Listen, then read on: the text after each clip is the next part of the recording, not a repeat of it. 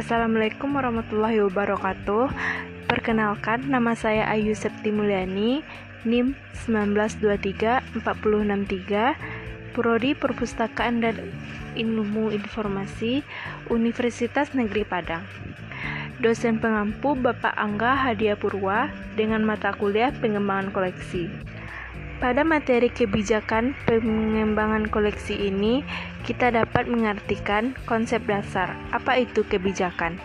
Kebijakan merupakan seperangkat prinsip dan strategi yang akan menjadi panduan mengenai tindakan yang sangat dilakukan untuk mencapai tujuan yang telah ditentukan sebelumnya.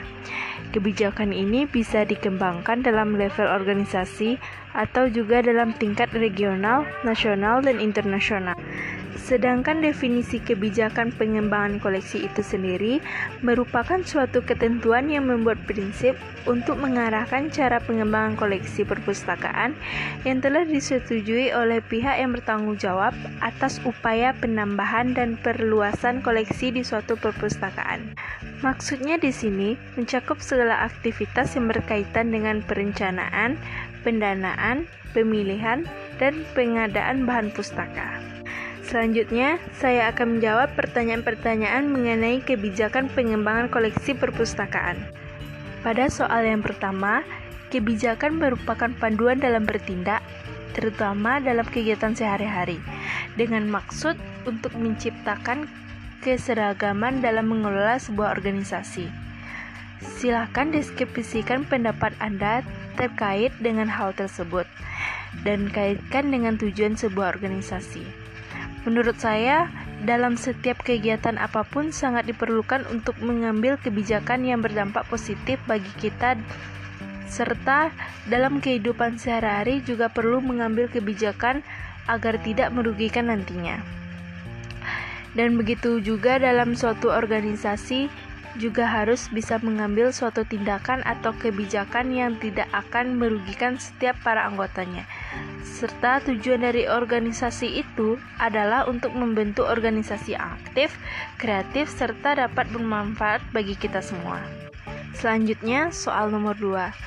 Kebijakan dalam sebuah organisasi dapat digunakan untuk menangani masalah yang ada dalam organisasi sebagai panduan setiap orang dalam pembuatan keputusan, memastikan konsisten dalam mencapai tujuan, menjadi panduan dalam menangani masalah-masalah yang aktual, menjelaskan nilai-nilai dan tujuan organisasi, membuat komitmen dengan tujuan organisasi, memenuhi hak-hak staf. Kemukakan pendapat Anda pada poin-poin tersebut. Pada poin-poin tersebut, saya mengemukakan dua pendapat.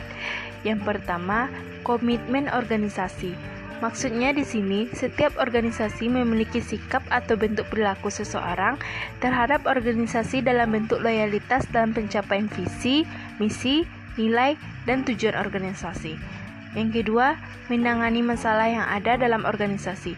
Maksudnya, setiap masalah yang ada di organisasi tersebut harus melakukan musyawarah mufakat agar bisa ditangani dengan baik. Soal nomor 3. Kebijakan sebuah perpustakaan seharusnya dituangkan dalam bentuk tertulis. Bagaimana pendapat anda apabila ada kebijakan yang disampaikan oleh kepala perpustakaan namun belum menjadi pedoman tertulis tapi harus menjadi pelaksanaan kegiatan. Nah, menurut saya lebih baik dilakukan dengan cara tertulis, karena semua orang tentunya juga akan ada melanggar kegiatan tersebut. Dikarenakan tidak ada bentuk tertulis, jika keputusan itu tertulis akan penting bagi semua orang dan mereka juga dapat melakukan hal tersebut dengan melaksanakan keputusan dibanding tidak tertulis. Soal selanjutnya nomor 4, kemukakan contoh dari pelaksanaan asas kebijakan pengembangan koleksi.